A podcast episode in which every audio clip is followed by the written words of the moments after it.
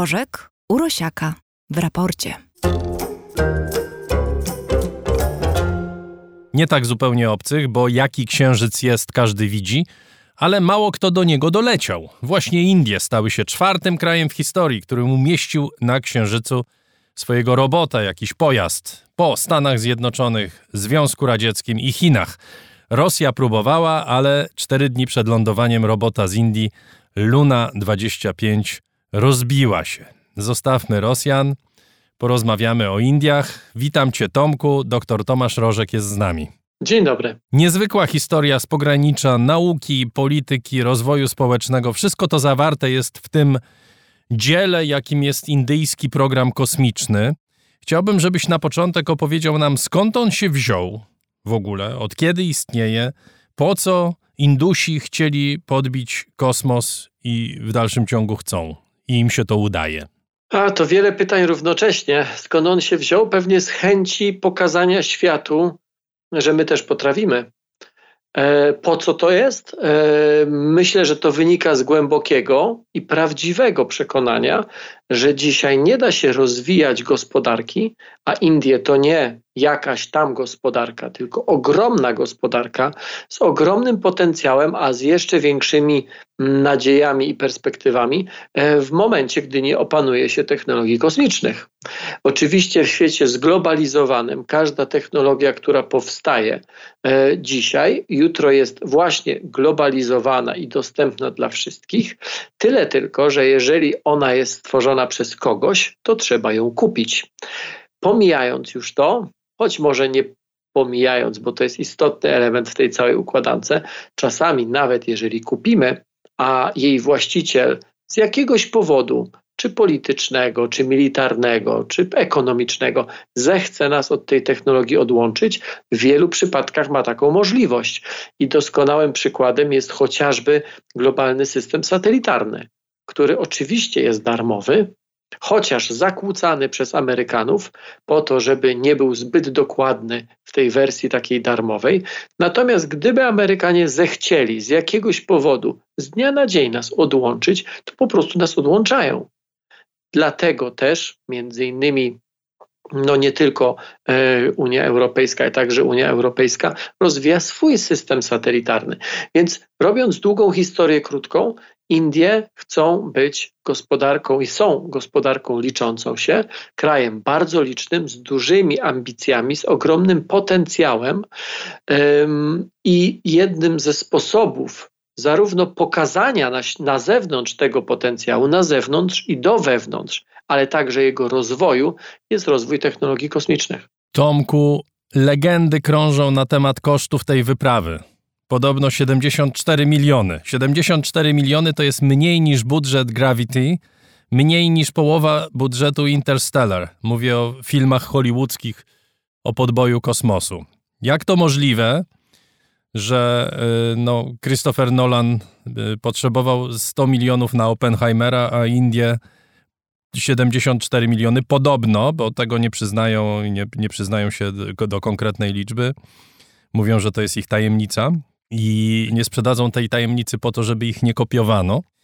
Jak to jest możliwe, że y, za tak małe pieniądze Indusi byli w stanie no, wylądować z sukcesem na, y, też do tego dojdziemy, ale na południowym biegunie Księżyca, czyli w miejscu, w którym do tej pory nikt nie lądował?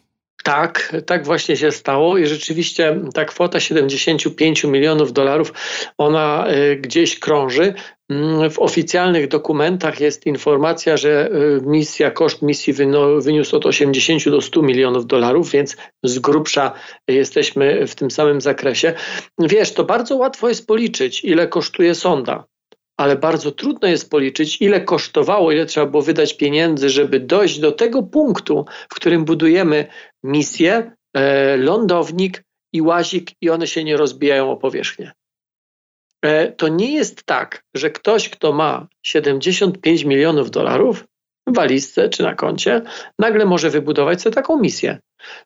Warto to wyjaśnić, dlatego że no ja jest, jest wielu miejsc... ludzi, indywidualnych ludzi, prawdopodobnie również w Polsce, którzy mają więcej pieniędzy niż 75 milionów dolarów. Oczywiście, ale jest też wiele programów, także w Polsce, finansowanych przez budżet, które mają dużo większe budżety niż 75 milionów dolarów. Ja widziałem gdzieś takie zestawienie, już pomijając, bo nie chcę wchodzić w politykę, pomijając konkretne projekty rządowe, które kosztowały znacznie więcej niż 75 milionów dolarów i takie zestawienie, ile razy my moglibyśmy za te pieniądze polecieć na Księżyc, a nie razu byśmy nie dolecieli. Dlatego, że Hindusi swój program kosmiczny rozwijają od wczesnych lat 70., a tak naprawdę zaczęli w latach 60. Natomiast my tego nie robiliśmy albo robiliśmy to inną ścieżką. To, że dzisiaj udaje się z sukcesem wylądować mm, na niezbadanym obszarze Księżyca, to nie jest kwestia ostatniego roku, ani 10 lat, ani wydania 75 milionów dolarów. To jest kwestia dekad rozwijania technologii, uczenia się, kolejnych generacji inżynierów, którzy uczą się od poprzednich. Tego nie da się e, policzyć, ile trzeba było wydać, żeby tam wylądować. Na pewno nie 75 milionów dolarów. No dobrze, a na co idą takie pieniądze? Na wiele różnych rzeczy, no na pewno. Bo oni rakietę. mówią, wiesz, bo oczywiście ja mówię o legendarnie niskiej sumie, natomiast jak taki kraj jak Indie wydaje 75 milionów dolarów na to, żeby polecieć w kosmos, no to od razu pojawiają się złośliwcy. To jest kraj, w którym 280 milionów ludzi nie ma dostępu do toalet. Może by najpierw zbudowali im to i toje, a potem niech się zajmą kosmosem, mówią tego rodzaju mędrcy. Więc na co konkretnie poszło to 75 milionów? A ja wtedy odpowiadam, bo to jest mniej więcej ten sam kaliber argumentu, jak stwierdzenie, po co w ogóle rozwijamy technologię, skoro ludzie na Ziemi umierają z głodu, na przykład technologie kosmiczne. A ja wtedy, czy w tej wersji globalnej, czy w tej indyjskiej, odpowiadam, a skąd pomysł, że tym 250 milionom, czy prawie 300 milionom e, ludzi mieszkających, mieszkającym w Indiach będzie lepiej? Skąd pomysł, że gospodarka się rozwinie, jeżeli zaciągniemy hamulec ręczny na inwestycje w technologię, w tym technologie kosmiczne. No, założenie jest takie, że wtedy te pieniądze przejdą na właśnie na budowę tojtojów i innych. Tak, ale za rzeczy. te pieniądze, ale za te pieniądze może i wybuduje się tojtoje, skoro już o nich wspomniałeś, ale na pewno nie rozwiąże się innych problemów, które za chwilkę doprowadzą do, y, do recesji gospodarczej. A te 75 milionów rozwiążą problem recesji gospodarczej albo w ogóle rozwiążą problem gospodarki indyjskiej? Te 75 milionów też nie. Natomiast rozwój technologiczny i inwestowanie w technologie kosmiczne to jest jeden z elementów, który pozwala gospodarkę rozkręcić, rozpędzić, który pozwala zarabiać pieniądze. To też chyba, jeśli mogę ci przerwać, Tomku, bo to chyba ten mit polega na tym, że jak się pojawia ta liczba, jakakolwiek ona by nie była, jakby było 75 miliardów, to też ludzie by myśleli, że to chodzi o 75 miliardów włożone w rakietę albo tam w łazika czy w coś tam. A te 75 milionów, jak rozumiem, to są zarobki ludzi, którzy pracują, to są badania. To są nowe technologie, nowe materiały, to jest oprogramowanie, które, a przy nowych materiałach te nowe, te nowe materiały za chwilkę mogą być sprzedane albo użyte przez przemysł. To jest wiedza, to jest edukacja, to jest cała, cała masa różnego rodzaju aktywności, które zostają na miejscu. Opowiedzmy o technikaliach teraz. Łazik o nazwie Chandrayan, w sanskrycie to znaczy mądrość. I ten łazik porusza się z prędkością centymetr na sekundę i zbiera informacje. Jakie informacje i po co? I właśnie to jest dalszy ciąg tej samej rozmowy, to znaczy, gdzie jest ta wartość dodana, czy wartość zwrócona z tej niewielkiej, jak za chwilę dojdziemy do tego sumy 70 kilku milionów dolarów. Ta opowieść będzie dłuższa, czy mhm. powinna być dłuższa, bo to znowu można na to spojrzeć z kilku punktów widzenia. Pierwszy to jest taki, że ten łazik jest dosyć prosty. E, drugi jest taki, że on tam będzie krótko działał. On tam będzie działał jeden dzień księżycowy, czyli mniej więcej 14 ziemskich. E, więc ktoś mógłby powiedzieć, po co? Przecież amerykańskie łaziki tam dużo dłużej jeździły, albo chiński. Chiński nawet wylądował na tej, na tej odwróconej od nas stronie Księżyca. Nawet tam prowadził badania czy, czy eksperymenty biologiczne. Tyle tylko, że to w ogóle nie chodzi o to, albo inaczej, samo pozyskanie informacji to jest tylko jeden, to, to jest tylko jedna motywacja z wielu. Druga to jest próba wylądowania, szczególnie w miejscu, w którym nikt wcześniej nie lądował. A nawet ten pierwszy punkt, czyli to pozyskanie informacji, mm, szczególnie właśnie dlatego, że będzie się ono odbywało, czy już się odbywa w miejscu, w którym nikogo wcześniej nie było, jest wartością samą w sobie ten łazik, czy ta misja, ten lądownik będzie, czy już mierzy dane sejsmiczne, skład chemiczny zarówno regolitu, czyli tego takiego żwirku, choć bardziej piasku chyba, e, księżycowego i skał, on nie będzie, on nie będzie szalał po całym księżycu. On zbada najbliższe otoczenie, ale tego najbliższego otoczenia nikt wcześniej nie badał. Jeżeli chcemy kiedykolwiek, a wszystko wskazuje na to, że chcemy, a ja bym dodał, nie tylko chcemy, ale powinniśmy chcieć zbadać Księżyc, wybudować na Księżycu bazę. Czy ona będzie stała, czy ona będzie okresowa, nieistotne. Musimy mieć jak najwięcej informacji o tym globie. Wydaje się, że takim miejscem, gdzie najłatwiej będzie znaleźć wodę i minerały, będzie właśnie południowy, e, czy będą bieguny, w tym południowy. Więc badanie tam czegokolwiek, nawet jeżeli bada to stosunkowo proste urządzenie, ma ogromną wartość, ale nie na tym się to kończy. Tak naprawdę na tym się to dopiero zaczyna, bo wartością samą w sobie jest także sama umiejętność wylądowania na Księżycu, co nie jest oczywiste i co nie jest proste, szczególnie dla debiutanta jakim w tej dziedzinie są Indie. Indie w 2019 roku wysłały poprzednią misję Chandrayaan-2, y, której y, łazik się rozbił. Jeszcze wcześniej, 10 lat wcześniej, bo, czy nawet 11, bo w 2008 roku y, miała miejsce misja Chandrayaan-1. Tam nie było planu lądowania, bo tam wybudowano impaktor, czyli urządzenie, które jakby w planie miało rozbicie się o księżyc co też nie jest takie oczywiste. Jest cały szereg misji, w tym amerykańskich, które w wyniku niewielkiego błędu minęły się z powierzchnią Księżyca. Ja wiem, że to może brzmieć dziwacznie, no przecież Księżyc nie jest wielkości piłeczki tenisowej, ale proszę mi wierzyć, przy tych odległościach, przy tych prędkościach, bardzo, bardzo niewielka pomyłka, awaria, jakieś niedopatrzenie powoduje, że naprawdę sondy, które miały dolecieć na Księżyc, minęły się z tym Księżycem i lecą gdzieś w przestrzeń. I co się z taką sondą staje? Ona po prostu jest... Leci. I leci aż doleci. Leci aż doleci. No w pewnym momencie pewnie traci energię e, elektryczną, więc wszystkie urządzenia na jej pokładzie po prostu e, się wyłączają, ale ona leci dalej. Póki się z czymś nie zderzy, to tak będzie leciała. Chciałem powiedzieć wieczność, ale jako fizyk powinien powiedzieć, że wszechświat kiedyś się jednak skończy. No dobrze, to co dalej z tym programem? Kiedy lądowanie ludzi na Księżycu? Kiedy następna misja? Bo jak rozumiem, lądowanie ludzi to nie jest następna misja, ale nie. gdzieś przeczytałem, że następna misja będzie dotyczyć Słońca. Wiesz, e, rozwój programów kosmicznych to nie jest taki rozwój linearny to jest e, bardziej to przypomina krzew albo drzewo, jest jakiś pień, od którego się zaczyna. Tym pniem zawsze jest wybudowanie jakiegoś systemu wynoszenia albo jakiegoś urządzenia, które na początku jest wynoszone przez rakietę jakiegoś innego kraju, a później zaczyna się to rozwijać. Więc jednym, jednym takim jedną taką gałęzią, czy takim kierunkiem, taką drogą jest rozwój misji naukowych. I rzeczywiście misja na Słońce, czy na, na Słońce, to zabrzmiało tak, jak gdyby miało wylądować na powierzchni Słońca. Nie, do badania Słońca to jest jeden z tych kierunków. Ale... Mało, że do badania Słońca, Tomku, powiedzmy to, do badania wiatrów na Słońcu.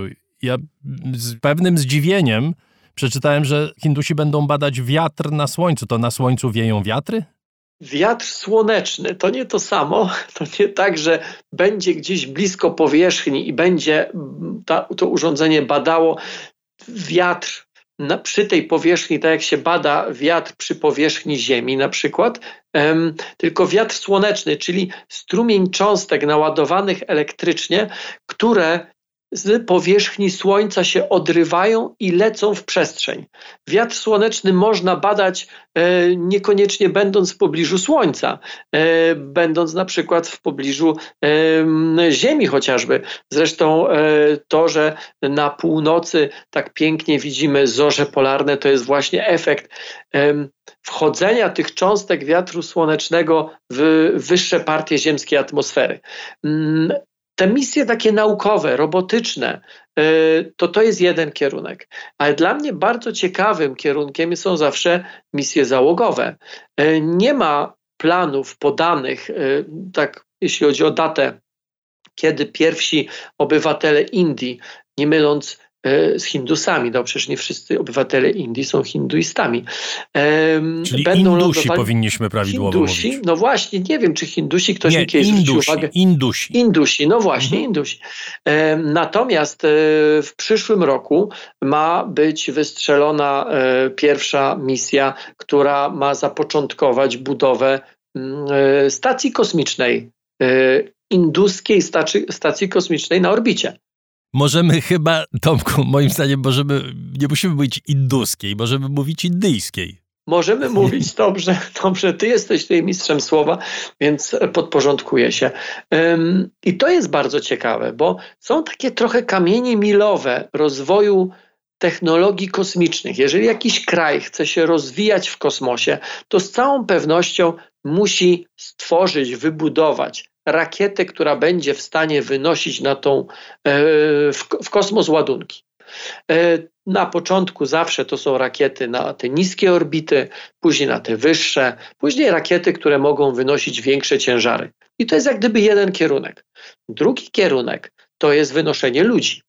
Nie każda rakieta, która wynosi nawet duże ciężary, e, duże masy, może wynosić ludzi. To nie jest do końca to samo. E, trzeci kierunek, w momencie jak potrafimy wynosić ludzi, mm, e, to chcemy wybudować stację kosmiczną i to jest taki kolejny krok. Natomiast nawet umiejętność budowy rakiety, nawet umiejętność budowania mm, kapsuł, w których ludzie latają na orbitę, a nawet umiejętność budowania e, stacji kosmicznych, to nie jest to samo co umiejętność wylądowania na przykład na Księżycu, a w dalszej perspektywie na przykład na asteroidzie. Mówię o tym po to, że czasami e, rozwój technologii e, postrzegamy właśnie tak linearnie, a to nie zawsze tak jest. To, że ktoś poleci badać wiatr słoneczny, nie oznacza, że umie wylądować na asteroidzie. Ale jeżeli w przyszłości nawet myśli o tym, żeby z Księżyca czy z asteroid pozyskiwać na przykład minerały, to jemu wiedza odnośnie lotu ludzi, odnośnie mm, budowy stacji kosmicznych niespecjalnie się do tego przyda. Musi umieć lądować. I ja w ten sposób postrzegam, także w ten sposób postrzegam ten wyścig, także na Księżyc. Jeżeli ktoś chce wylądować na małej asteroidzie, to najpierw musi umieć porządnie lądować na Księżycu. Indyjska e, Agencja Kosmiczna czy Badań Kosmicznych pokazała, że potrafi to zrobić.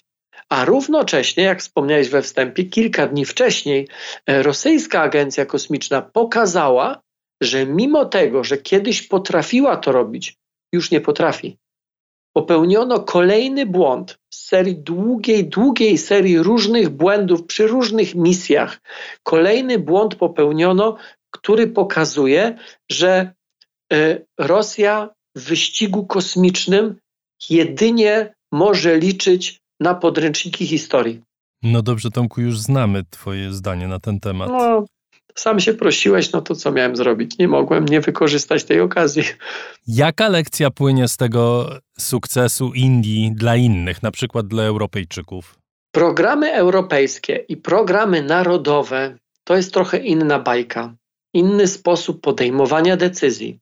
Natomiast gdybym był szefem Europejskiej Agencji Kosmicznej, usiadłbym wygodnie w fotelu i bym się zadumał nad tym, co zrobić, żeby przekonać kraje, które mają dużo dłuższą tradycję rozwoju technologii kosmicznych, mają know-how i mają dużo więcej pieniędzy, żeby zechciały inwestować w technologie kosmiczne.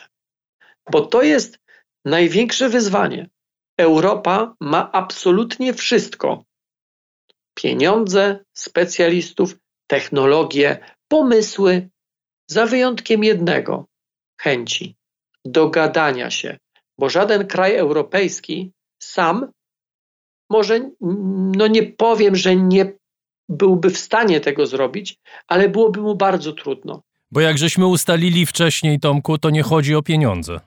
Tu chodzi także o pieniądze, bo oczywiście za darmo takich rzeczy się nie zrobi.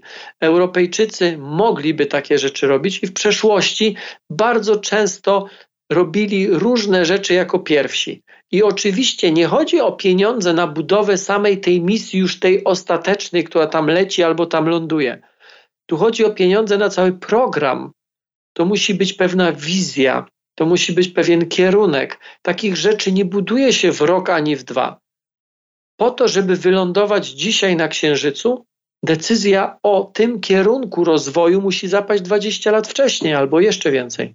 No dobrze, Tomku, to ja teraz chciałem z głębi serca życzyć Ci, żebyś został tym szefem Europejskiej Agencji Kosmicznej. Oj, nie życz mi tego. I żebyś tak usiadł w tym fotelu, zadumał się, nie przerywając oczywiście, nie przerywając w żadnym momencie współpracy z raportem o stanie świata. Dziękuję Ci bardzo za dziś. Bardzo Ci dziękuję za rozmowę i za wiarę we mnie. Niczym nieuzasadnioną, ale dziękuję. Doktor Tomasz Rożek, gospodarz kanału Nauka to Lubię, był z nami. Dziękuję bardzo. Dziękuję bardzo.